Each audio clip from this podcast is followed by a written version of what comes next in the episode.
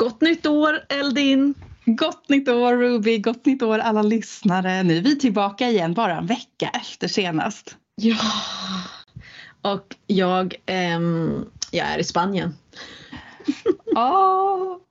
Jag har ju släkt och sådär på lite olika ställen så nu är man lite utanför eh, Barcelona vid kusten och eh, det är inte så jävla kallt. Ja, rub it in. ja, det var inte jätteglad där hörde jag. Det var lite så här, du svalde, ja. Jag gick precis här ute i snön och tänkte på att alltså just det här Gotland på vintern och ha, vid havet på vintern, det är en väldigt speciell typ av, det är inte snö, det är liksom bara is. Alltså det är så här liksom isdrivor. För att det blir så fuktig vinter. Oh. Det är en, alltså jag, mm, mm. Men det är då man förstår liksom vikten av alla ljusfester och eh, Alltså att fira att ljuset kommer åt det, de här liksom places of hope och mm. också att man bör hålla sig inomhus för att naturen kunde vara så lynnig också. Mm. Det är ju liksom Ibland är det så jättesvårt för oss eh, moderna människor att ens fatta liksom the brutalness of nature innan värme och, och ljus. Att, att det är en skillnad på att välja att vara i det vilda och ta kunskap från den vilda än att hamna i det vilda otämjda utan eh, att man vill det själv. Men gud, jag är den första och jag har verkligen tänkt på det att, att det här måste jag verkligen säga att när vi spelar in just nu så jag är så jäkla förkyld. Vi har typ mm. ett stort jävla munsår på munnen. Mm. Och bara ut i den här, det är liksom hela tiden som att det liksom inte snöar i mitt ansikte utan mer som att det är is som flyger. För att liksom vattnet, fukten hinner bli till is.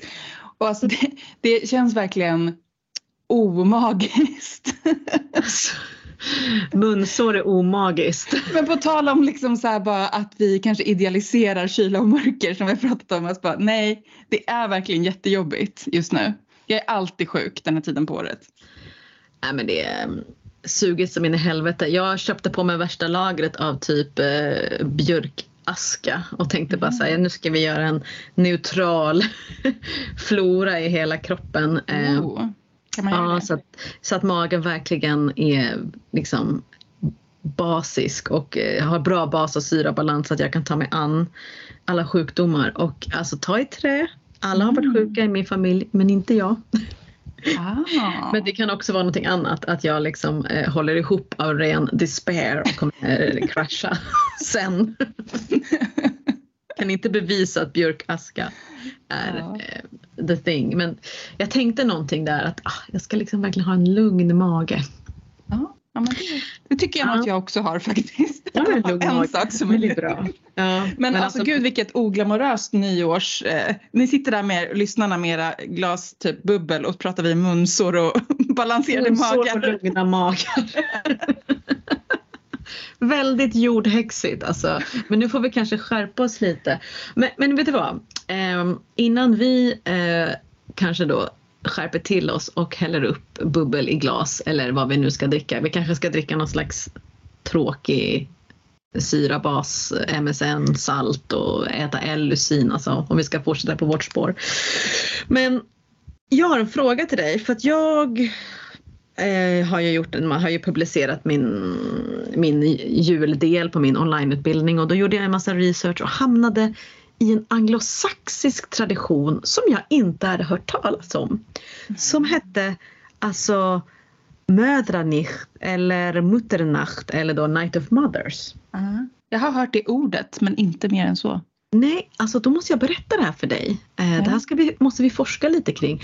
Det verkar ha firats eh, typ efter vintersolståndet och verkar ha då enligt arkeologiska fynd eh, har funnits i då anglosaxisk tradition eh, där man har då sett spår av att det skulle kunna varit att klanens äldsta kvinnor har siat och sejdat eller liksom gjort divination för det kommande året i kontakt med tidigare förmödrar. Mm och förfäder. Men det verkar vara som att de har hittat några kultplatser.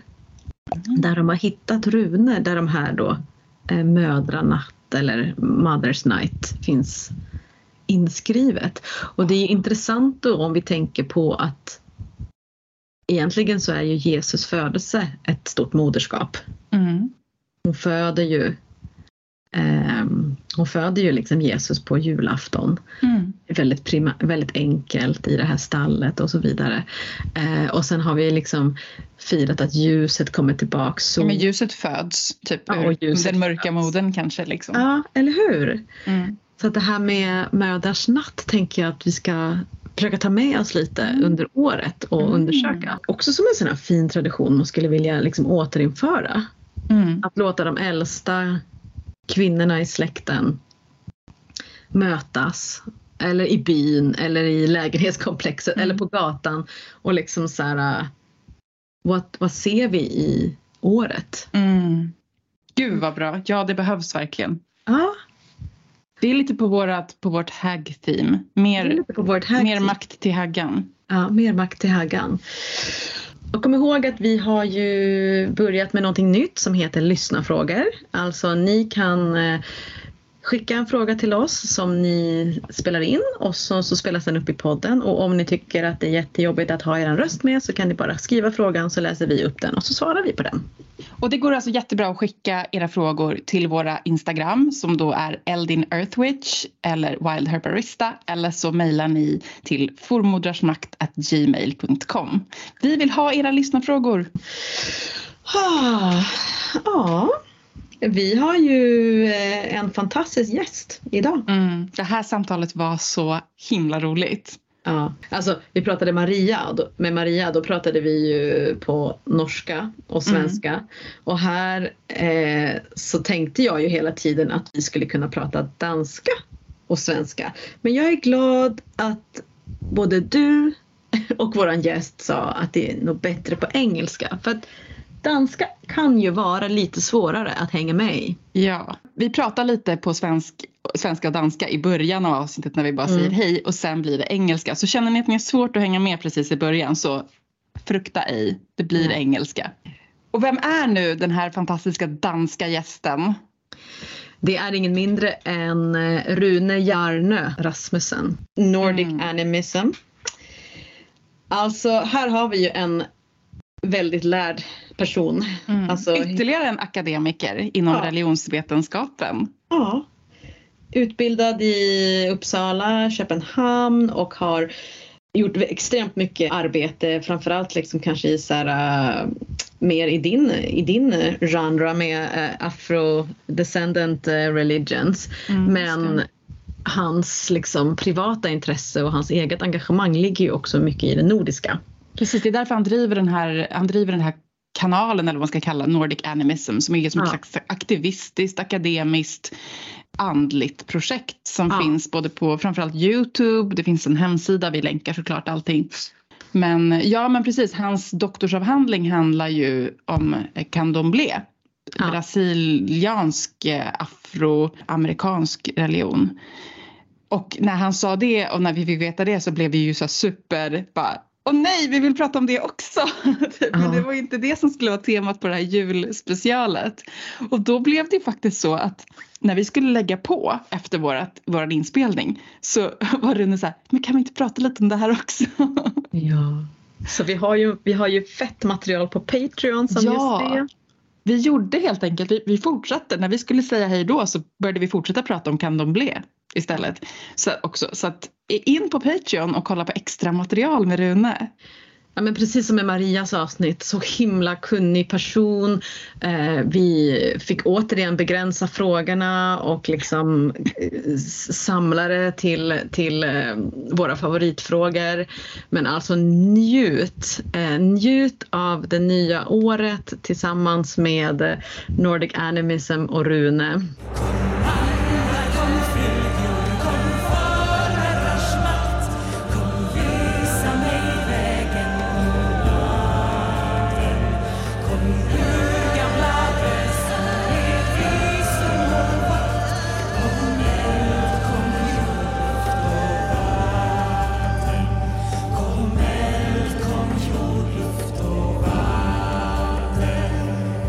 Allihopa!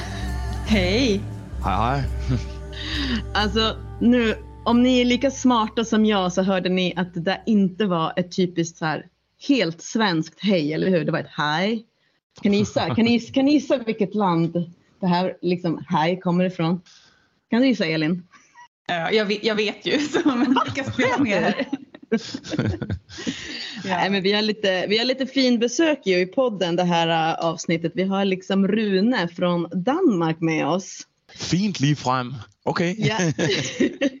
Då har vi debatterat, så här, ska vi prata svenska, skandinaviska, engelska? Hur gör man? Problemet, ska jag vara helt ärlig, problemet är att jag, får, jag blir helt narcissistisk och får en jättehög självbild när jag pratar med norrmän eller danskar och tror typ att jag kan eh, danska eller norska tills jag inser att nej, det är bara danskar och norrmän som är snälla mot mig för jag är svensk och pratar långsamt så att jag tror att jag kan prata. Men om jag dricker lite alkohol, då brukar jag vara väldigt bra på alla språk i och för sig, men det är ungefär det. Så att... Jamen, det kender jeg godt. Jeg, jeg kan tale finsk, når jeg øh, efter, efter et vist antal øl. ja, men det, jag tänker att en dag så ska jag liksom bemästra de skandinaviska språken och ha självförtroende på riktigt och inte bara Mm. försvinna bort. Men vi bestämde väl egentligen att vi kör på engelska va? Det er sikkert mere øh, øh, flinkere imod jeres lyttere. Ja. Ja men alltså precis, om du snackar danska på riktigt så kommer ingen fatta. Men om du snackar svensk-danska. altså, jeg kan efterligne svensk, men altså, det føler jo lige så... Det, det føler ind, og for svensker lyder det ligesom noget dansk, der bliver lidt lettere at forstå. Men Ja. for mig selv, der lyder det ligesom Kim Larsen, der prøver at lyde som Lisa Ekdahl. Det er ligesom, det helt... Det, det er fruktansvært, ligesom. Men du, eh, vi kör på engelska. Eh, men okej. Elin, är du redo? Byter du språk nu med mig? Okay, let's transition and be inclusive of everyone that hasn't understood a word we have said so far. And if there's someone of the listeners in Sweden who actually don't understand this episode because it's in English, please just you know send us an email and we will I will actually personally call you and translate this this, this episode. yeah. Speaking about language, I researched you, Rune, a bit and saw that you have studied in Uppsala in Sweden. Yes, I have. Yes. Did you do your doctorate there? Yes, I did. Okay, did. so you have lived in Sweden actually. I have, I have, and and which is also, you know, why I have absolutely no problem understanding Swedish, and I I can even kind of imitate Swedish. It just feels troublesome. Uh, because, like, it's it, it's fairly easy to understand uh, other Scandinavian languages, but reproducing all the little differences that is that I actually find difficult. But can't you just like take us back to uh, tell us who you are? How did you end up in Uppsala? How did you end up with what you're doing today? Just the overview. Well, I'm, I I wound up in Uppsala because I'm uh, I'm a historian of religion, and I did my my uh, MA in history of religions in Copenhagen, um, and then I decided that I wanted to do a PhD, and I applied uh, many different places, and then I got admitted in Uppsala, and and um, uh, was working in Uppsala with a uh, um, supervisor called Mattias Gardell, uh, who was a um, yeah a professor at history of religions there.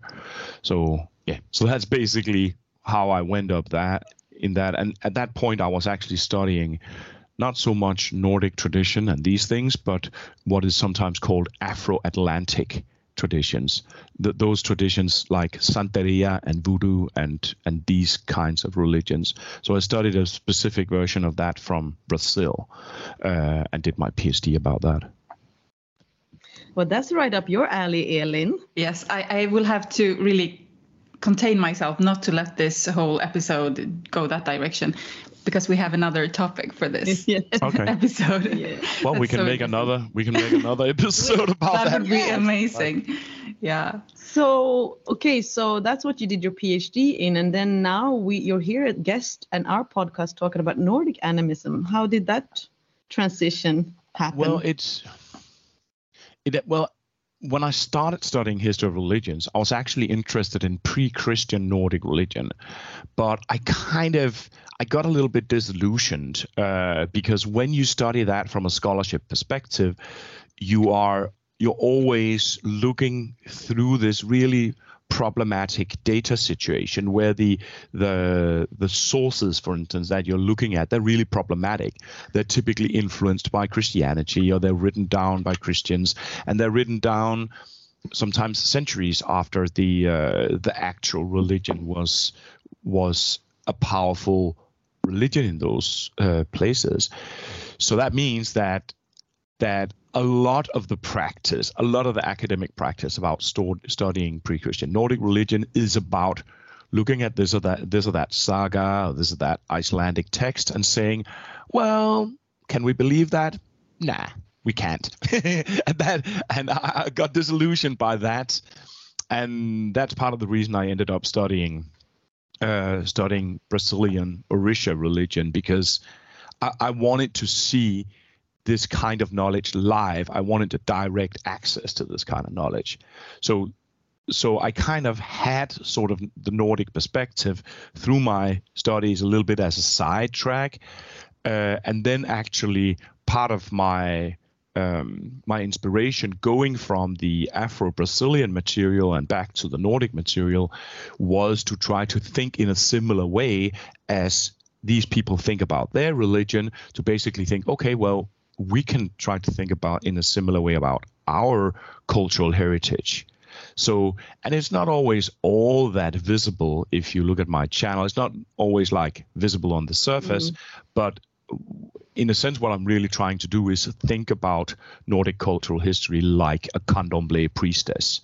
Uh, because I've, you know, through that study, I sort of I got they shared their way of thinking with me, right? So, mm-hmm. uh, so on the methodological level, it's it's about trying to think like them, basically.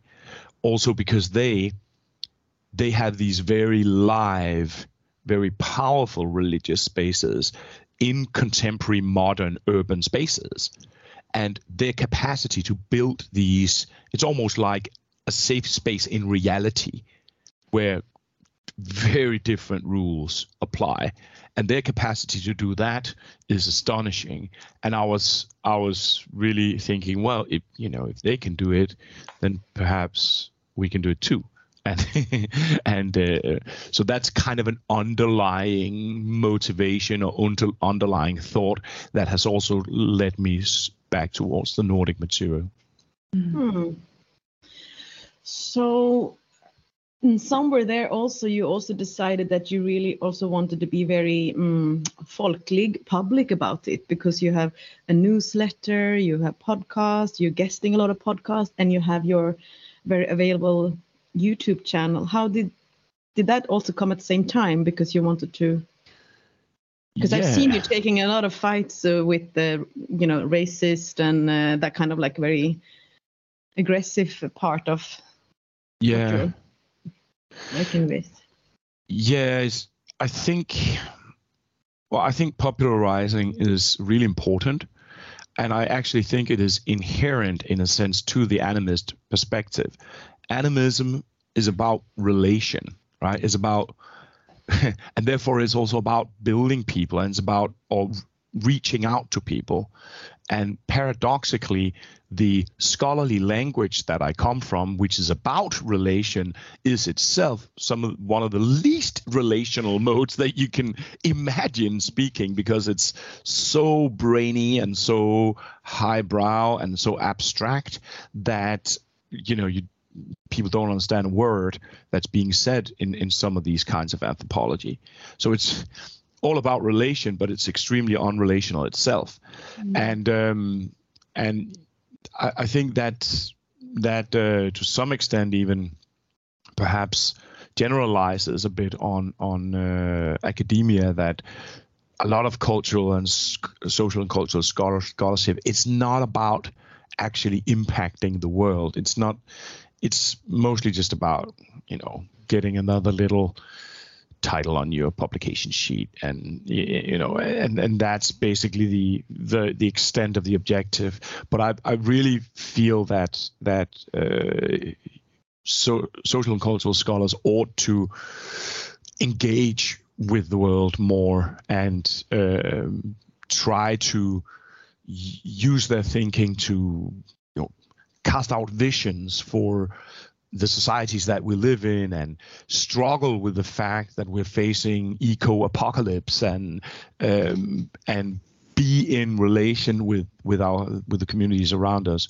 And historically we've as uh, social and cultural scholars have been really bad at that. Some try to do it, and some are really good at it. Like Mattias Gardell, my my supervisor that I mentioned to you before, he has been very extrovert and very active and involved in different kinds of activism and so on. Uh, so that's the, but but but this is almost an exception, you know, mm-hmm. and. Um, so I, have been motivated by that, and then a, a, part of it is also that I figure out that I'm better at speaking than I am at, at writing.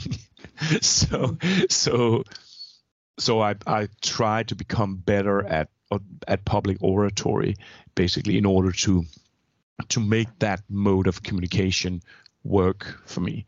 Nordic animism. What is it about it that's so important that you want to like put it out there? What is what is the um, importance for the world as you see it?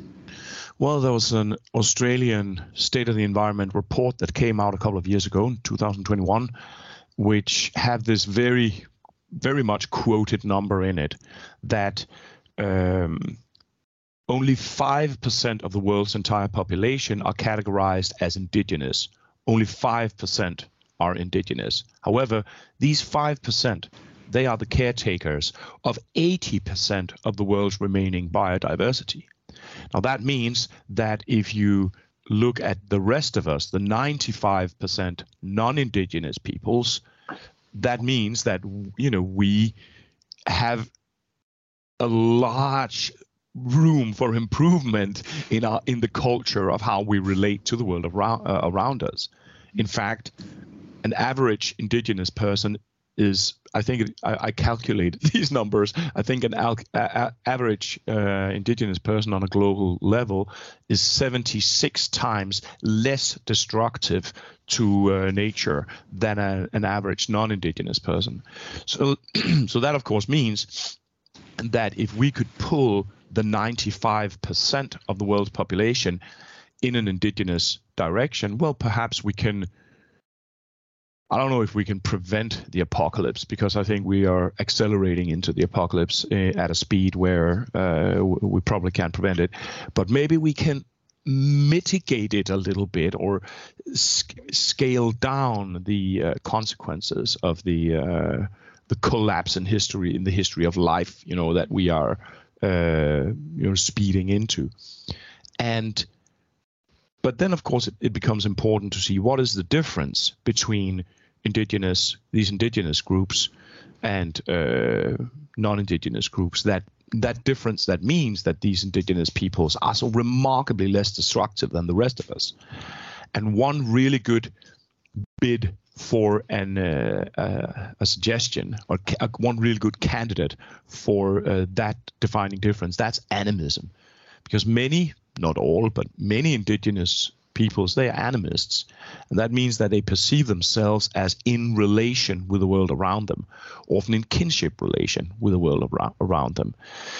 And it, whereas many of the majority populations, we perceive the world around us as some kind of dead thing that just happens to be lying around casually outside our windows, right?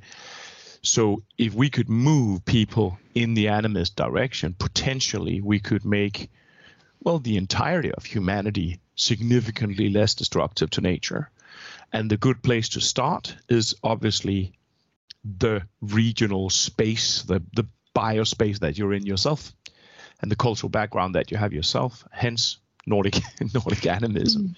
So so I think that introducing there is this sort of atmosphere or this kind of implicit idea in the world today that it's it, it is as if it's only indigenous peoples who are allowed to think like that about their own culture as if perhaps it's wrong for the rest of us to think like that about our, our own culture.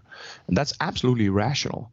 There's no reason whatsoever that we shouldn't like think with those kinds of of knowledge when we are uh, reflecting on our self-image, our cultural practices, and our connectivity both to each other but also to the the uh, ecological space that we inhabit. I guess like uh, a common um, reaction to this among like people that are seeking different worldviews and different yeah ways of relating to the world is to appropriate indigenous cultures into their spirituality and maybe a bit of the fear of this comes from that from the fear of am i appropriating something now that i shouldn't it's definitely part of the reason. Uh, cultural appropriation has been a rather serious problem. There's been like councils of Native American elders that have gotten together and made made denouncements of all the white hippies that have been sort of you know swarming like locusts onto their uh, their cultural heritage and kind of uh, carnivalizing it or commercializing it and so on. So there has been really serious problems with cultural appropriation. That being said it's really important to also acknowledge the fact that human beings are connected and that cultural culture a lot of culture is supposed to move between cultural groups. Some culture some kinds of culture is that let me say it like this that different kinds of ownership cultural ownership attached to different kinds of culture. Stuff like words for instance there isn't a lot of ownership on words. Like ownership, they words they just float around almost aggressively. Like the language we speak now is a mix of like English is a mix of like five different European languages. I think it's only uh, can it be that it's only 30% of, of English, which is actually Anglo-Saxon.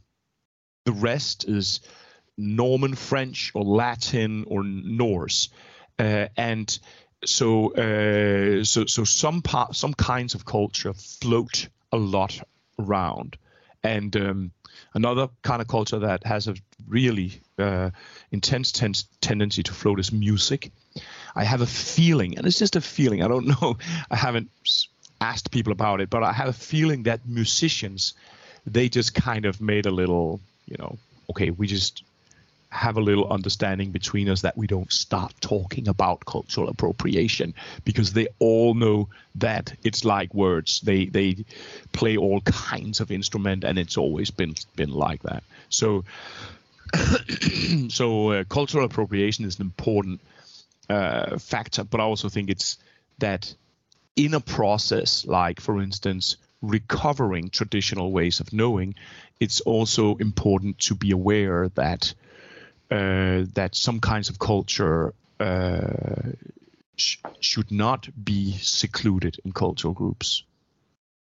Yeah, but, and I also think, I mean, by listening to your YouTube channel or when you're in podcasts, it's a bit like it's kind of your work and other people's work is also doing the opposite. It's actually making us who um, the majority of people here who doesn't feel that belonging to nature or belonging to folktru or belonging to gods and goddesses of the land, we're actually feeling that maybe we are entitled to find that uh, connection again without being a total Viking racist who talks about the runes and going to war to Valhalla. I mean, there's something, there's the beautification in the animistic way of approaching because I feel like, of course, I'm not indigenous, but I feel like I, I'm animism allows me to be a nature person. Totally, and I think I think the the uh, like the entitlement itself is important to make available to people. Like we are, I'm assuming from your names, majority Scandinavians, right? There is so much beautiful material that's available so much. And i mean i feel when i'm starting to open it, it it's like an explosion of realizations. And um, i think there ought to be institutes basically of people going into this stuff from all kinds of perspectives, and uh, there is a tradition, like you you reference the whole Viking uh, uh, stereotype uh, complex there. Like we have a tradition of encasing our understanding of our, uh, perhaps you could say, our animist past uh, or our traditional knowledge to kind of encase it, put it inside that box. So it's in there and it's about Vikings. And Vikings is in itself this weirdly nationalist stereotype, which is, you know, there's it's very much about hypermasculinity and uh, extrovert aggression and and whiteness actually. And then sometimes people today are reinventing vikings and perhaps they're saying well mm, i think vikings are about feminism and uh, ecology and you know fair enough. But I think the important thing is to break that box a little bit open and say that that stuff like, for instance, animism and relating to the uh, our landscapes in animist ways, that is something that that that we can where we can draw on a much wider range of history and where there's much more material available. The the uh, the material that we usually associate with the Viking Age. The, for instance, the what is called the Elder Edda and the also Snorri uh, Sturluson's Gylfaginning and Skaldskaparmal. These these texts they are absolutely amazing. They're, they're incredible, and I encourage people to read them. Uh, but when you look at the mass of, for instance, animist uh, culture, practice, knowledge, and material that you have in folklore, then it's it's a tiny, tiny, uh, it's a tiny element. You know, they're very old. They're very fascinating. They're historically unique. They're amazing, but there's so much more. And and that that more is it is it folklore that you're talking about then, or wh- where where can we find it? I, have been looking a lot at folklore. Yeah. Uh, and I think folklore is important. Uh, and um, but I also think that there is another field that could have a relevance here, and that's esotericism, right? Because uh, the um, if, if you look at the contemporary history of religions uh, scholarship on esotericism, then uh, scholars tend to see esotericism as rejected forms of knowledge, ways of knowing that have been pushed out of our self image in the emergence of the contemporary rationalist, modernist, white, nationalist, North European, right? So all the crazy stuff all the astrology and the alchemy and the uh, the cup Kabbalah and the Spiritisms and the occultisms and the Rosicrucians and the uh, Freemasons, that whole complex of thinking or, or complex of culture that has to a very large extent been pushed out of our self image. And I think there's a lot of material in there which uh, has uh, potential to to enrich uh, enrich us in also actually in, in terms of producing contemporary majority animism. Mm. Mm. That that brings me to like a follow up question about um, how historical things are, and now we're talking about stuff that's not in the uh, prehistory perhaps but like later in in history uh, and how important is it to have like historical foundations for for what we are doing? Well that depends what your objective is when you engage something. If your objective is uh, if your objective is a historical description then you need to be uncompromisingly historical of course. So if for instance you want to understand how the god Frey was worshipped in Sweden before uh, the year 1000 or something like that. Then you can do historical research on that. And there's a little figure that has been found somewhere in Sweden. it's called the Rällinge figure, which is a little figure with a phallic. It has a erect phallus and is sitting there looking all Frey like. And we might say, okay, so we can have a historical consideration. Is that an image of Frey? Isn't it an image of Frey? Well, we can never really know if we want to be strictly speak in a strictly historical paradigm, but we can say it could very well be Frey because it's a phallic representation, and that actually corresponds to Adam of Bremen's description of the Uppsala sacrifices, where the god Fricco, I think Adam calls him in, in Latin, is represented with a phallus. And so perhaps this, and we know that Frey would have been an important deity in Sweden for, an, so it corresponds with a lot of understood, and blah, blah, blah, blah, blah, blah, blah. This is a historical con- consideration.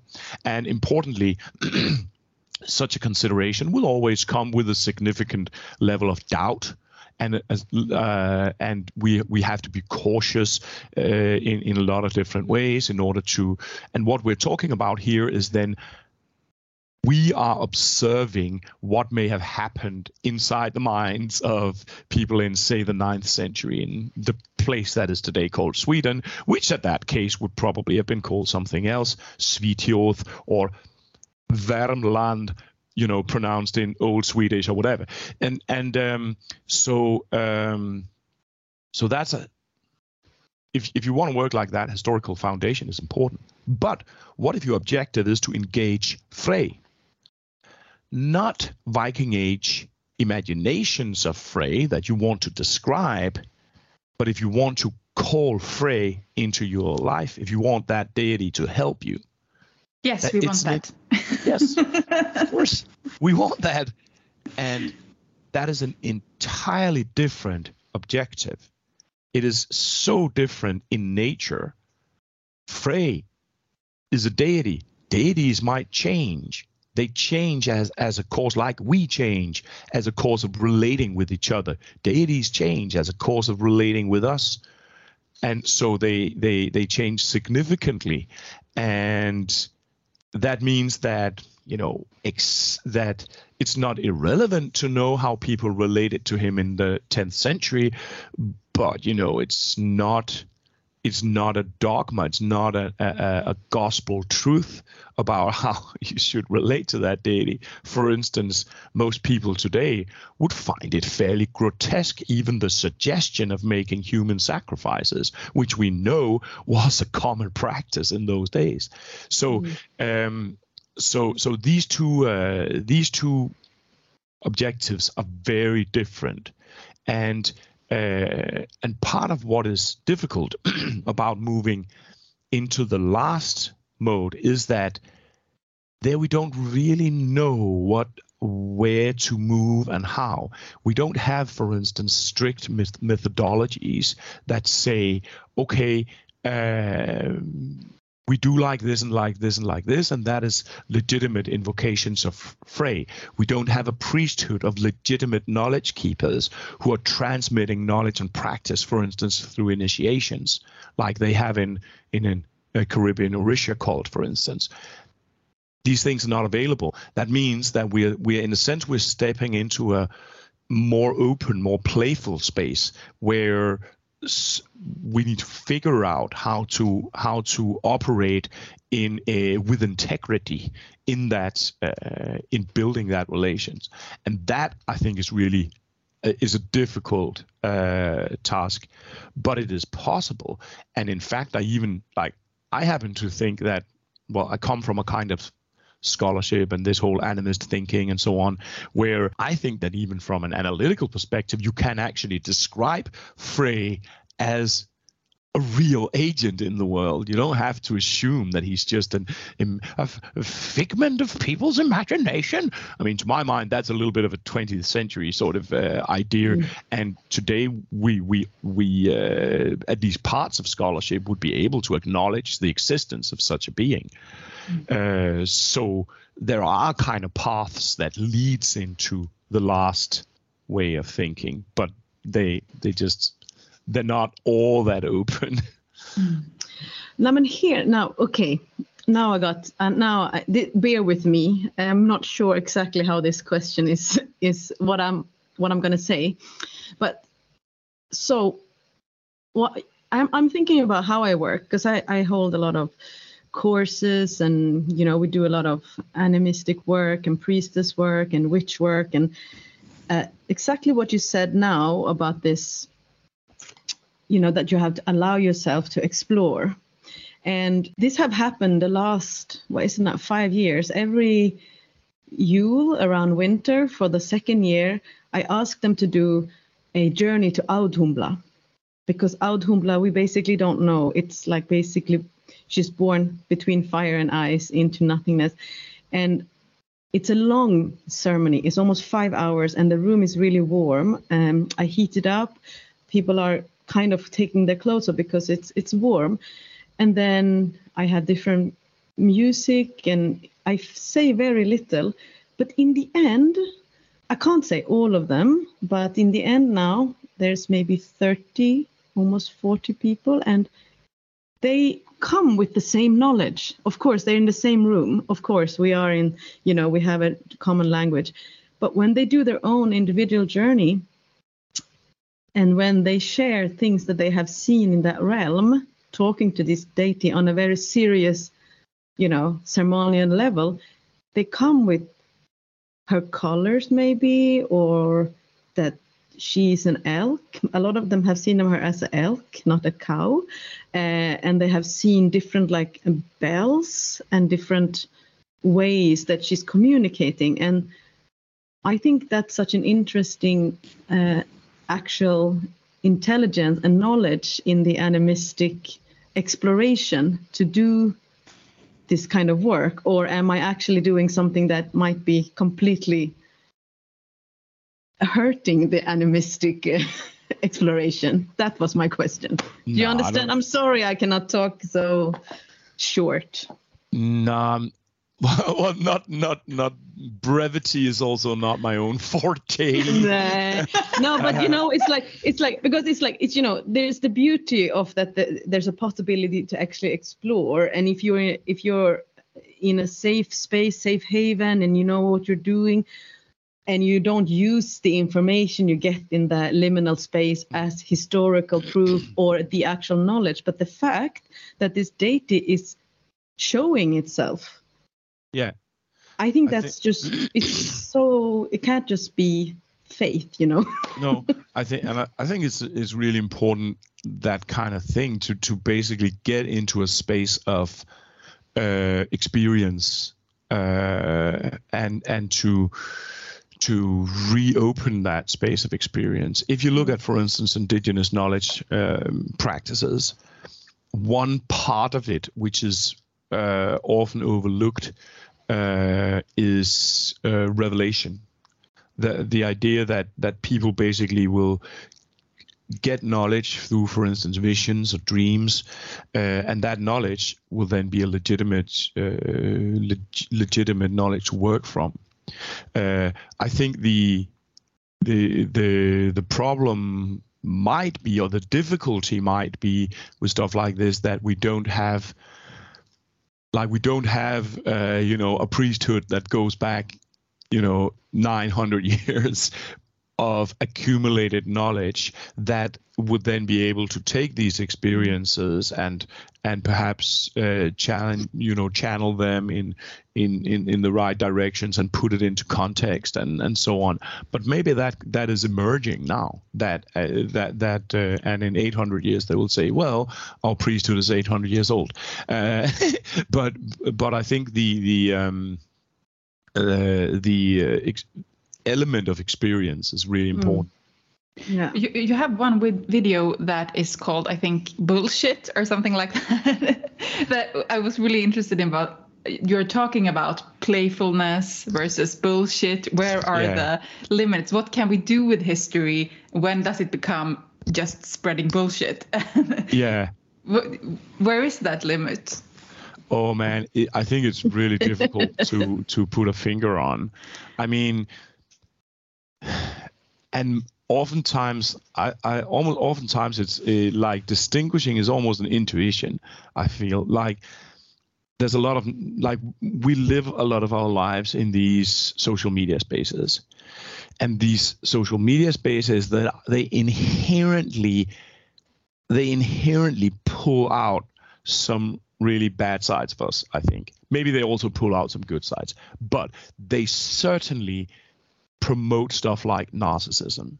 If you look at uh, a, uh, a media such as Instagram, it is deeply problematic. You know, the uh, the the spread of Instagram is directly correlated with self-hurting behavior in young women. They call it the suicide app.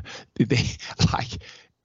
It, it, it is like when you think about the cruelty that that platform performs in the world compared to you know uh, kinds of brutality that perhaps would get people cancelled or, or, something like that. It is vastly worse, uh, and uh, we we we are living so much of our time in these spaces that are not catered to promote, for instance, wisdom at all. What they are to a very large catered to or made to to to promote is stuff like narcissism. So Instagram, for instance, will actively go and uh, promote uh, faces, a lot of faces of yourself that is that will be rewarded by the algorithms, uh, and uh, the whole kind of way it works with this fast sw- swiping means that, like, like you can br- be a conventionally beautiful girl and have a dog, and take images of yourself and the dog, and that's enough but uh, and and it it lowers our attention spans, so we don't actually read books anymore. Most of us, and young people certainly don't. And so, um, so when you move in that space, for instance, there's a lot of bullshit, and and you often see, for instance, these uh, kind of excessive self-portrayal as uh, as for instance I, I when i see when i sense narcissism i always think well bullshit. And i don't think any of us are really imp- what do you call it impermeable um, we're not invulnerable to narcissism. Like i'm sitting on instagram myself all the time and youtube and all these these places. Youtube by the way. So what they're doing is that they would actually go like my videos if you watch a, video of my, mine at the moment you will not be getting a shampoo commercial shoved in your face in the middle of the video before you can continue so youtube goes and punishes me for that they turn down the access uh, the accessibility of my video as a punishment for not commercializing, not allowing uh, YouTube to make money in that way. So uh, so these systems are inherently deeply profoundly problematic and the sides of us that they uh, that they take out is uh, are often problematic. And and so no this was a longer rant but talking about brevity or the lack of the same um, i i often think that that uh, you know you often see stuff that is bullshit like and one thing one very clear example of bullshit is when people don't distinguish for instance between contemporary experience and historical knowledge. So so they say something that perhaps is their own personal experience but they will represent it as a historical uh, as something or create a historical mythology around it. Sometimes mm-hmm. you see that. Uh, and sometimes you see people making up a historical myth, you might say. Well, I'm thinking, man, yeah. I mean, as a his, histori- histor- historian of religion, I can see that that is not, it's not the way, you know, a historian of religion would speak. But perhaps what the person is saying is actually has something anyway, right? So the lines between bullshit and non-bullshit are, I, I see them as very blurred. Um, but I, to me, narcissism is a good. That's a good bullshit marker. Mm-hmm. That's really smart, actually, because it's just like you're saying that sometimes the, this playfulness and the curiosity needs to be a bit blurred in between because you need to go and explore. Yeah. But yeah, it's actually the narcissism comes with something else that apply to my course or come to this or buy this product or just like me yeah, just give yeah. give me affirmation. Give me, I need yeah, affirmation. Yeah. That, Yeah, I it's, think- it's a completely different thing to do something by yourself in your home to ex- explore things, and I don't really know if this is what it, what this is, but then to take it and to push it on, onto others, then Yeah. it becomes something else. yeah. Then you have much more responsibility.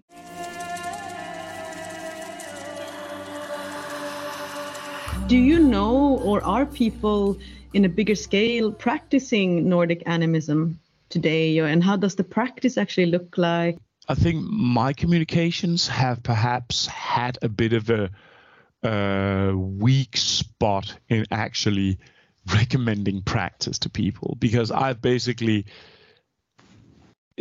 on the one side, as on the one hand, it's something that I really try to do. For instance, I wrote a little book about calendar rituals and and and and kind of that just it just puts out a lot of data. That's what it tries to do.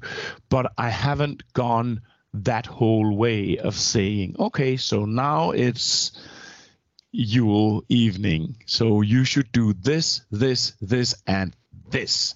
Uh, and and I think that is probably what a people a lot of people would like, uh, and uh, and and uh, I should I should probably have done, just have done that. But I, I I think when I wrote that book, I was still a little bit in my scholar mind, and okay, so I'm just describing things and just letting uh, putting some data and some different descriptions of traditions out there. Um, yeah, so this is just to say I I've I don't have a very clear image of how much people are today practicing, for instance, the suggestions that I've been making. Sometimes I do see that people are doing it, uh, and for instance, uh, one thing that that I've um, made was a um, an event in Copenhagen, which is the Yule Book uh, event, which is a suggestion for how to pull some of these traditions into a contemporary frame. Uh, and a lot of people are coming to it, and uh, it, it seems rather successful. Uh, another thing is the year of Aun, this idea of the octennially recurrent recurring festivals of healing.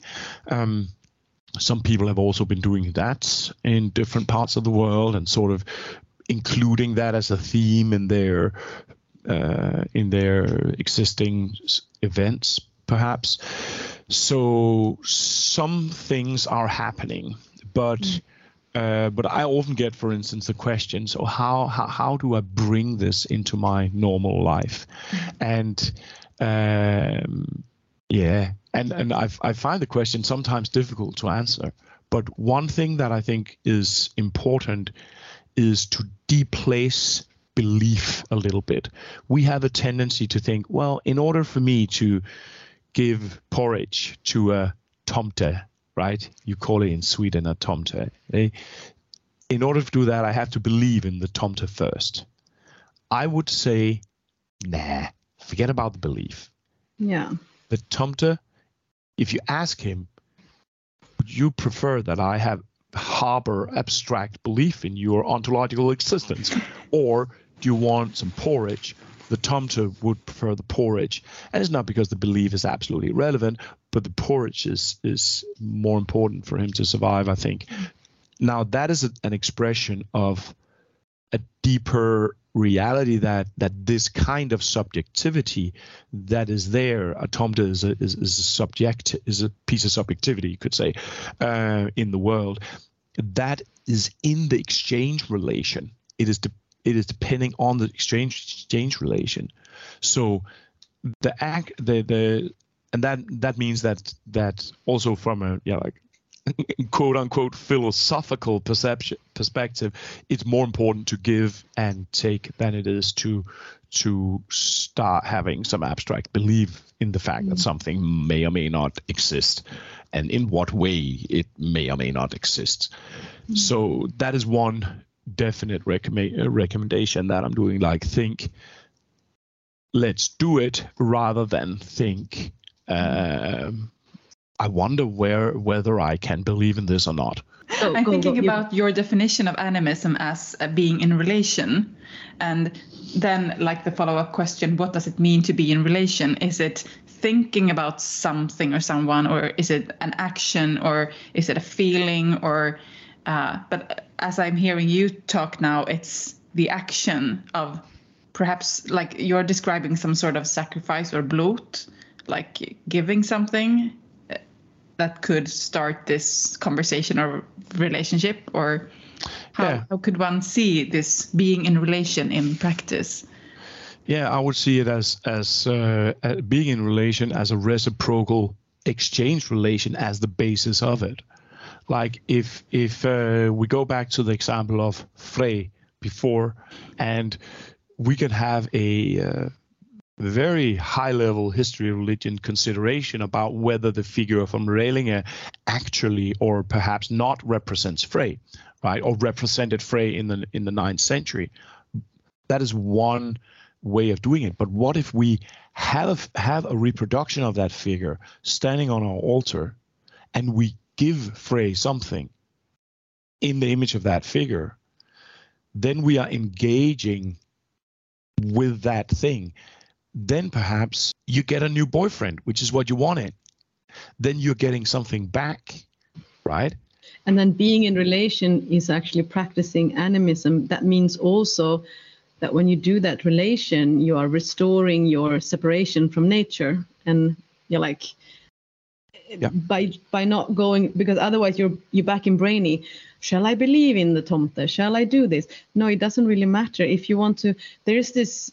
I don't know how to say it in in in in uh, English, but att Say it in den- Swedish. yeah, att, att, att, att bruka den forna seden, to be in the ancient practice is just to, it does, it's not about believing, it's to be in it. Yeah. And uh, I don't know about Denmark, but like here in, in our community, me and Eldin and in Sweden, there's quite a lot of people doing stuff. There's practical movements, there are ceremonies. I mean, some, some are priests, priestesses, some are witches, some are just people who hold space. I mean, it doesn't matter what they call themselves. Some are in Forn Sed, but I feel like more and more there's actually someone who can. I mean, not like you know, not everywhere, and it's still hard to find them, but there is still people who practice. But how is Yeah. it in how is it in Denmark with that? I think there is probably a lot here too. Uh, I'm not so involved with so many of them. That there, there's kind of some people that I know and so on, um, but um, but like I, I'm actually part of a ritual group myself, and that is actually a ritual group that sprung out of practice of these Afro diasporic religions. So we basically we basically started back in the day basically practicing Orisha religion and then that as a consequence of that practice uh, Nordic uh, Nordic deities started to want it to be basically be part of the party. Um, so that's so I'm, I'm I'm part of that and and that that's a little bit like uh, it's uh, a small close group but I think that that these things in general in the world are experiencing a huge uh, surge. So you find a lot of turning towards for what is sometimes called earth honoring traditions. You see that a lot among indigenous peoples. A lot of them have been Christians, perhaps their parents, perhaps even grandparents Christians, but they're turning towards um, or back towards their uh, traditional knowledge systems. You see it among uh, African Americans. There was a period in the last 20 years where Santeria was the fastest growing religion in North America.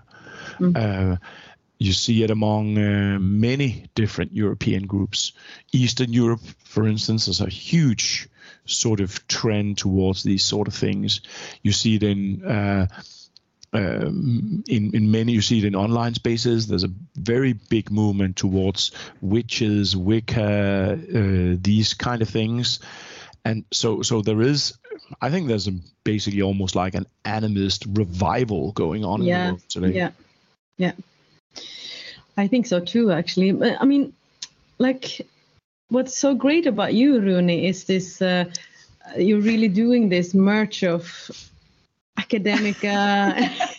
yeah, we we had had blush yeah, he's blushing on the video. So I'm gonna continue and just like nyam nyam nyam. No, but it's this kind of like the academica, uh, the spiritual, um, and the activism. And I know that Eldin wrote a question about does any one of these categories come like is it one of them that are like this is actually what I love most or are they all the time just going into each other like this? I mean, we know you come from an academic background now, but and also now you also confess that you're in a ritual group, and so you you might and your activism is that you do this. But how do you see these?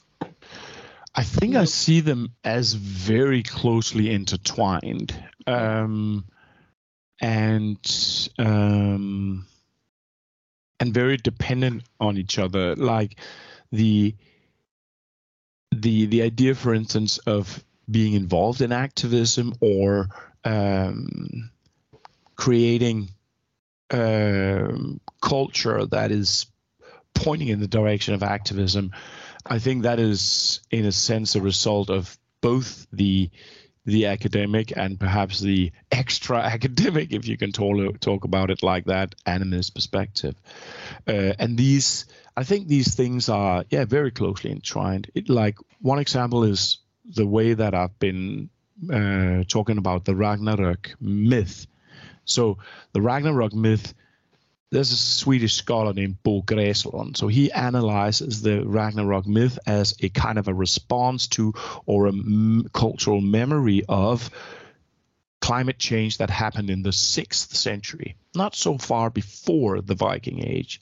So the Ragnarok myth in Gräslund's idea seems to reflect a, a, a traditional knowledge reflection on climate change, actually, which makes the Ragnarok myth, incredibly interesting for us today, incredibly relevant, incredibly urgent.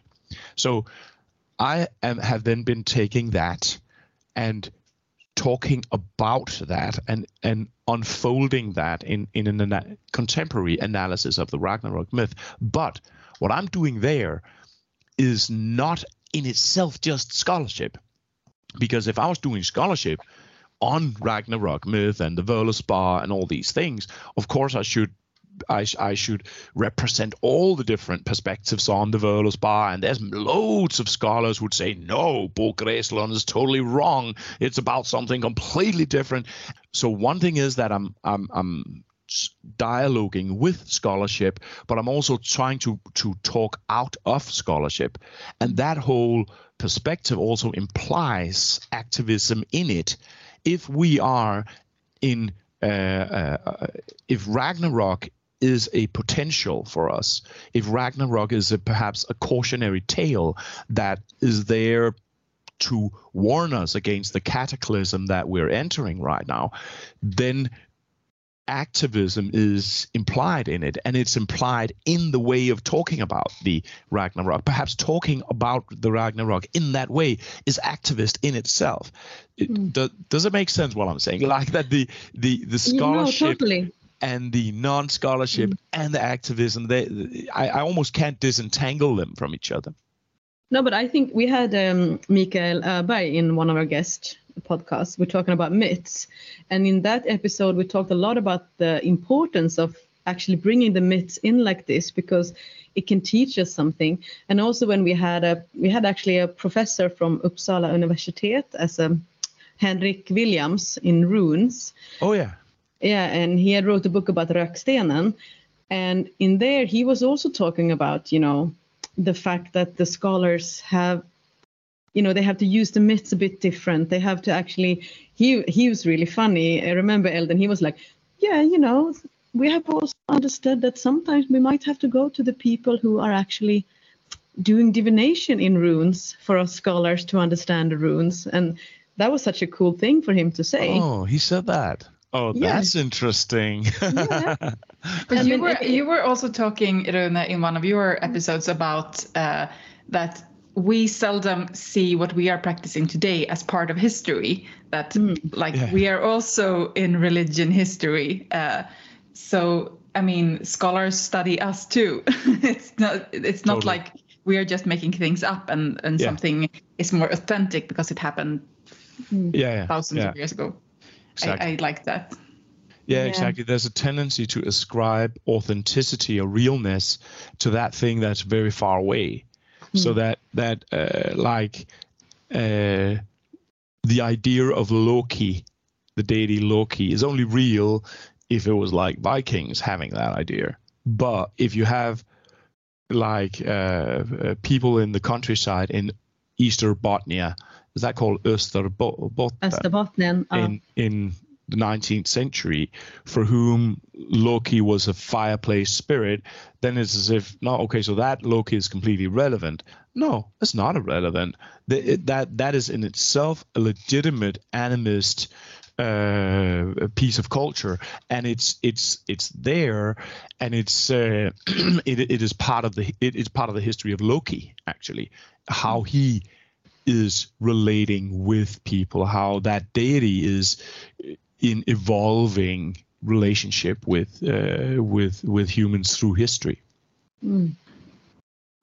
The more we talk about Nordic animism, the more it feels like. Uh, you know like a network or a platform where you know we, we, all, we, everybody is really needed for different purposes you know as in using the scholar language uh, talking to talking to to that world using the popular culture pop thing talking to whatever papers and audience and the practical practitioners doing the actual thinking how can we do this? Um, the historian i mean the playfulness. It's really it actually gives me a sense of active hope to be honest. Oh that's that's awesome. I feel really i mean my heart my heart is feeling a bit pink and purple and a little bit bubbly now the more we've been talking about it your heart is feeling pink pink and bubbly no less yeah awesome. yes. yeah no i like this i like this i don't know how do you feel eldin i'm talking yeah yeah i'm i'm uh, super excited and i feel like we are uh, connecting a lot of things that yeah we, we've been talking in this podcast and i think our listeners will recognize this but yeah. you are coming from a more scholarly perspective and giving some really good explanations to things that uh, we have we have been working a lot in this podcast with how to put things in, in practice. Uh, mm. that's as you say that's many questions that we get is about that. Yeah. And, and we don't want to be dogmatic and we don't want to like start creating dogma around how to do things. We just like to uh, explore different things how can how could we do it or how does this feel or mm-hmm. yeah yeah no and, and this is also by the way where folklore i think has m- uh, stuff to offer like the I became uh, aware recently of the uh, sacred fire rituals that have been here in in uh, northern Europe. Absolutely amazing and beautiful ceremony to create a sacred fire. And from what I have seen from kind of witchy shamanist spaces, I'm not sure that it's that well known. That and, and these practices have been uh, have been uh, used in, in Northern Europe uh, so late that like like I have an article lying about it in, in, in Sweden where there are photographs of people doing using these technologies like ritual technologies to make sacred fire. So so it's um and these are things that can be immediately like you can just start doing it. It's it's not a it's not a big it's not a big mystery. It's not something that's very far away. Uh, it's there and uh, ha, ha, I think it has high potential to to uh, produce uh, produce an animacy, produce land connectedness. Yeah, I was this summer. I was in uh, Lithuania doing uh, learning more about their herbal traditions, and then we also learned about the sacred fire ritual. It was completely Yggdrasil. It was the nine uh, it was the nine worlds. It was with the gods. It was the runes in the bottom of the fire, and and I was like, so yeah, of course, Odin. Uh, yes, I was like, yeah, of course, makes sense. And the thing is that with Lithuania, they have kept their traditions as a part of you know their identity because of so much oppression from the church, from uh, the politicians, and from the war. So for them, it I was completely typical Swedish and blown away by, and they were like, "Yeah, of course, we dance with the mugwort in the June, and you know, you take off your underwear and you dance. You do this." I was like. Mm. But you do like everybody. Yeah, almost everybody. I'm like, uh, yeah, we we celebrate summer solstice. Everybody comes. I'm like, Mm. not not midsummer, no summer solstice because we have to welcome uh, the the the darkness. I'm like, you do that. You do this. It's like Mm. basically one hour with the plane from Stockholm, and I didn't know about this because we didn't Mhm. speak. It's not in English. Yeah. So I think a lot of these traditions are, like you're saying, hidden. We don't know about them, and it's Yeah, and- and sometimes they sometimes they're they're even closer. Like if if you uh, if you look at some of the folklore that they have in Finland uh, is is very uh, very powerful uh, stuff that they have. I, I recently did an interview actually for my channel with with the Finnish folklore folklorist named uh, Dalva Laminmäki and the the uh, the power and like intensity of of Finnish uh, animism is absolutely mind blowing. I have a friend called uh, uh, Ole who lives in uh, I think he lives in Härjedalen in uh, bit north out in Sweden, and he was studying bear kinship among Oh, yeah. Swedish people in that area. There's been this idea that the bears are uh, kinship with from the Finnish people. Perhaps the Skogsfinn have this idea. Perhaps the Meän, Tornedal's Finn Finnish people they have these these ideas. Uh, the Sami also have these ideas, but Swedish people also had these ideas, and and they're there. And when you look at them, they they look remarkably. Uh, they look almost like really, really Viking. Actually, some of those practices that they still have up there, or that that has actually continued all the way down in in mm, close to the 20th century, or even into the 20th century, putting on bear masks, dancing around, doing bear dances. Very totemic uh, uh, behaviors that or practices that that uh, have been there on sometimes until recently perhaps they even survived until today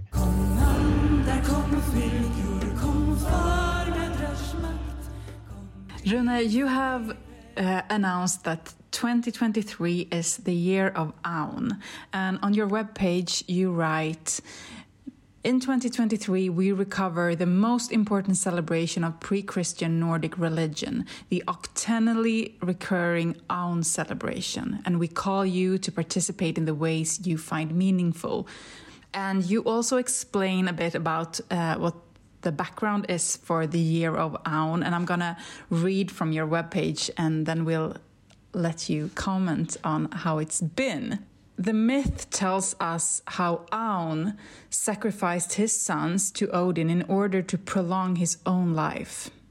He sacrificed one son every ninth year in order to live eight more years. And Aun kept up this horrifying practice, extending his life into a state of such paralysis that he could only lie in his bed and drink out of a horn, a medieval baby bottle. Aun's murder of his children, his descendants, is the same kind of cosmic violation of kinship, violence on the ordering principle of the interconnected world. Hence, Aun is a very appropriate image of our contemporary society. A society that rests on camouflaged forms of violence, rupture from connectedness, and paralyzing consumerism. The Aun year is about acknowledging that we are indeed Aun and calling on the healing of the pathological and abusive patterns on which our society is built. We want to sing and dance and chant and drink and swear against that curse of Aun that makes us participants in social systems that murder our descendants by destroying the world.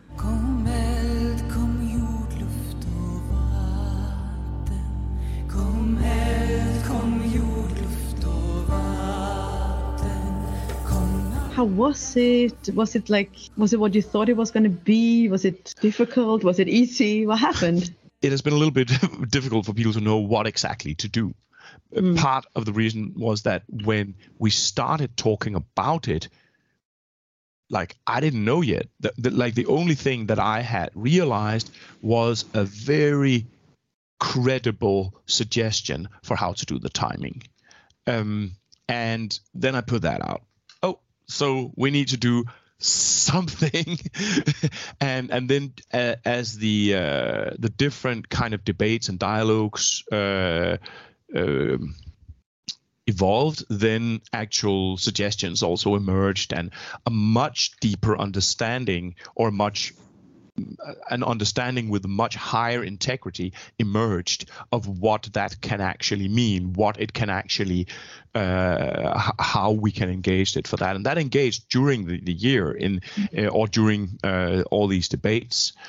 So a lot of people have have really wanted to engage it. A lot of people have also engaged it in different ways.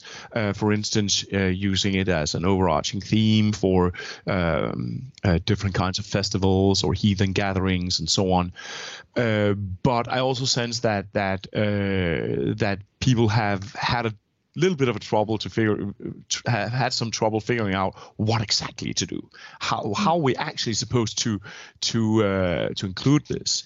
And right now i'm actually in the process of writing a small book like a booklet that i'm going to be publishing hopefully in the beginning of 2024 where i'm trying to sum up the whole thing. Because uh, as it evolved in long conversations with uh, you know all kinds of people on my channel and in interviews and so on.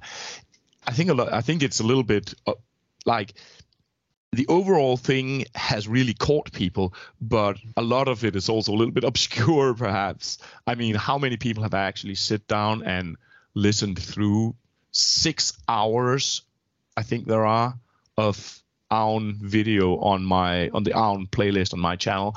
Probably not a lot of people you know?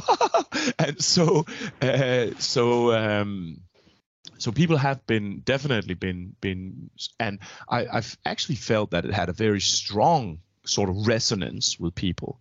And I really hope that that uh, during the coming eight years that that people will uh, people will cat, latch on more to it and that in uh, in 2031 that there will be a uh, that then we'll have like 200,000 people coming to Uppsala and uh, stuff like stuff like that but um but we, we, we didn't get all the way there. There, there was there was actually a celebration in, uh, in an Aun celebration in Uppsala on the I saw that one. Yeah. uh, and and that I, I found the fact that it was even done I found very monumental.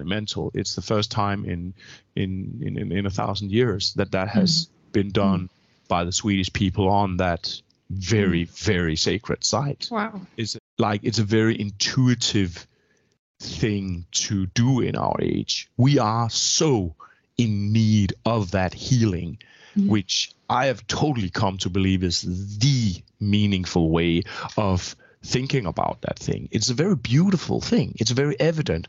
It is like the fact that the sun and the moon fall into sync every eight years and are born together from a full darkness. And then they fall out of sync again for eight years and they fall back into sync.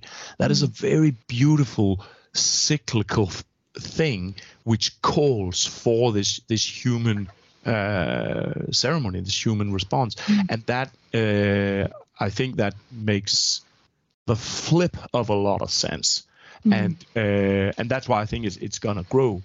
But I would of course have liked to see Ros- the Roskilde Festival and the Glastonbury Festival and the Burning Man Festival kind of make huge Aun themes in 2023. I didn't do that, but perhaps next time. They will. They Well, will have seen the writing on the wall. we hear your we hear your wishes for the future here. I will just put it out there. But i actually think like you because the the one in uppsala for me i got in my community people were like let's go to uppsala it's a celebration. And people were like sending it like you know almost like a festival vibe like let's go. We can fit five people in my car. And unfortunately i had a my course i couldn't go. But it was a bit like fun like a fun feeling. Yeah, yeah, but yeah. I, but I, I must say the year of Aun for me on a personal level has this year has been very um, very very deep healing like on like wounds on a in a way that I never I mean I, I I joke about a lot in the podcast and my Instagram that I am Riddare Kato I have a stone heart. I have a big problem to trust people. And I think this year finally, finally, uh, because we're almost at the end of it, actually, I am. It, it made me open a little door in this stone heart uh, because I felt with this symbiosis of being born in the darkness that I can, I can. It's time to let go and and and to try for eight years to see. Maybe maybe it wasn't good enough for me to do it in this life, but maybe it was. And it feels so good. And I told you now, my heart is bubbly, and and and uh, so I don't I don't normally talk like that, you know. She I'm really does. cool- we should talk, we should cool- talk like that I'm a little bit more. cool- Ah, come on, I can see you're a hippie. You're right no, you know, I'm a- I'm, I'm like, uh. I haven't even had my leather jacket on so much this year. I've been like in, you know, so there's something about this year on a personal level that's been deep, deep healing. I never really thought it would happen. There was a lot of tough things happening before, but now I really feel this born out of darkness, and um, I don't know what's gonna happen uh, Yeah. next. But I was thinking, it's New Year, so you said you were a one one man army. What would you dream into your life then? That would would you if you could see your future working the way you do, what would you like dream in? People that help you or like Um, there big are office already in the forest? uh, yeah. Well, both those things. Well, I actually have people helping me. I think part of the part of the advantage of having uh, wanting to save the world is that that sometimes people will will will uh, see what you're trying to do and basically sign on. And I've had the I've had amazing people who are sometimes signing on and helping me and uh, so uh, like my hope is just that well one primary hope is that i can just get an an uh, um, economically sustainable situation. Like right now yeah as i said i'm a one-man army but I, it's i find it very difficult to make ends meet. And if i could have that while moving out of copenhagen and into the forest. Now then then then we're starting to be there. And but that's me personally. Obviously what i what i uh, uh, hope uh, for a larger uh, on a larger scale is that um, wars will end and people will practice kindness and uh, that uh, we'll find out a way to avert you know the biggest catastrophe since the dinosaurs took the ticket.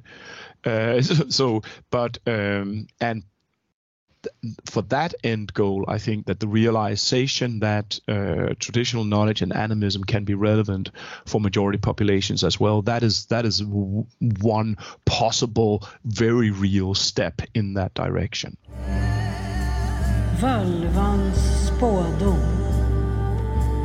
Från dåtid till nutid till framtid. Vi älskar och tackar er Patreons från djupet av våra hjärtan. Tack, tack, tack. Puss, puss, puss. Ni är otroliga. Så en av de saker som vi gör för att hylla er, det är ju att varje vecka så drar vi en utav er som blir föremål för völvans spådom. Låt völvan tala. tala.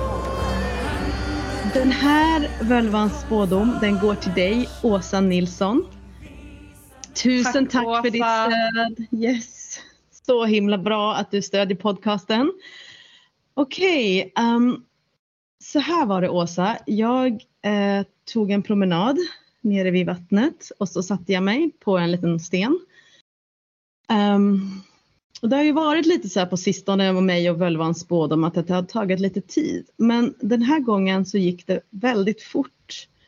Det kom som en månskära upp ur vattnet så att det liksom steg upp ur vattnet. Och då tänkte jag först att det kanske var någon vattengudinna eller någon vattensjörå eller någonting. Men ju mer den här liksom varelsen kom upp framför mig, den liksom hade lite som typ som vingar fast inte riktigt. Eh, och sen höll hon liksom, hon, det var en hon, hon höll händerna eller runt kroppen liksom, runt sin, runt sin barm. Um, och sen tänkte jag och frågade vad hon ville. Och då sa hon Eh, jag ska ta hand. Jag ska ta hand. Så jag tror så här Åsa, att jag tolkar det här som Isis, den egyptiska gudinnan Isis eller den romerska eller den grekiska. Um, eller också Tyskland, så hon finns i massa olika traditioner. Isis är en liksom mother of heaven, goddess of heaven and creation and magic. Hon eh, finns avbildad ofta med typ vingar eh, som man förr i tiden i Egypten kanske la på de döda. Hon är, hon är mamma. Så jag tänker så här, när hon kommer i sin aspekt som modersgudinna så är det ju verkligen så att hon gör ju, i myten så gör hon vad som helst för sitt barn. Hon liksom verkligen typ, alltså hon, och för sin man. Eh, hon till och med återupplivar sin man genom att hitta delar av hans kropp och så hittar hon inte penisen utan ersätter den med en guld och så får de liksom solguden. Väldigt intressant myt som du kan läsa om. Men jag tänker så här Åsa, att när man ser Isis-statyerna med sin lilla baby så är hon väldigt lik Mother Mary och Jesus. Så jag tycker att den här bilden är liksom så här. Vad needs mothering? What's, alltså vad inne i dig behöver du ge moderskraften? Like, vad behöver du se till att du tar hand om i ditt liv med den här moderskraften som aldrig tar slut, den som alltid finns, den som alltid har att ge och ge och ge trots att den är trött. Um, eller är det så att du kanske ger för mycket av den här moderskraften till personer som inte ser och att din kraft börjar ta slut? För att Isis kraft tar aldrig slut. Så om det handlar om att du ger för mycket så kanske det är dags att hitta någon jordad kraft så att du har, inte tar slut. Och om det är i dig så är det kanske liksom den där lilla hemliga drömmen som det är dags att plocka fram 2024 and mother it like a baby. Feed it with your breast milk.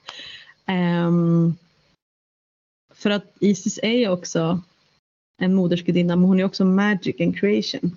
Så att ge väldigt mycket till den här lilla idén eller drömmen kanske blir annorlunda 2025. Så säger Völvan denna gång. Vad säger ni Elin och Rune? Jag tänkte på det här med, jag gillar verkligen den här grejen med Isis om hur hon plockar ihop alla delar och liksom återskapar livet och jag tänker att det kanske, det är kanske någonting jag skulle liksom knyta an till att se så här, vad finns det för liksom delar i det här som behöver samlas ihop? Liksom, vad är det som saknas? Är det någonting som jag inte hittar som jag behöver liksom skapa på ett nytt sätt kanske? Som den här gyllene penisen. Mm. Det är jättefint Elin, ja. att liksom kanske inte leta så mycket utanför sig själv utan leta i sig och bara Mm. sätta ihop. Liksom. Bitar som man har glömt eller Mm. Tagit bort. Mm. Har du någon tanke om Isis, Rune? Ikke så meget. Jeg, jeg, det der egyptiske materiale, det ligger ret langt væk fra mig i øjeblikket. Jeg har på et tidspunkt sådan haft lidt berøring med det, men øh, jeg tror, jeg er nødt til at overlade stemmen til, til vølverne her i, i, øh, i det her rum. Mm. Åh, Mm. fint. Så Tack. gör vad du vill med det här Åsa, men den är till dig och eh, tusen tack för ditt stöd. Tack. Tusen tack Rune, det här var fantastiskt att ha det här på podcasten för att mötas med. ja, ja, men det var jättefint att prata med er. Okay, what should I even say now? I don't know. I'm just gonna... Du får snacka norsk. I, I, I am. Um, I stay in English. I think Yes. that's best for all of us. No, but very, very big. This was amazing. Thank you so much for um, saying yes to joining the podcast. Oh, of course, and thanks for thanks for inviting me. All your YouTube on your ever playlist and uh, newsletters and websites. We will all have them in the show notes so you can all find Rune. And please really follow this work because there's a lot of things coming out and it's really fun to maybe use in your circles, um, in your courses. It's good material to discuss and, and dwell upon. Absolutely. Thanks a lot for the recommendation. All right. Happy New Year, motherfuckers. Happy New Year's. Happy New Year's!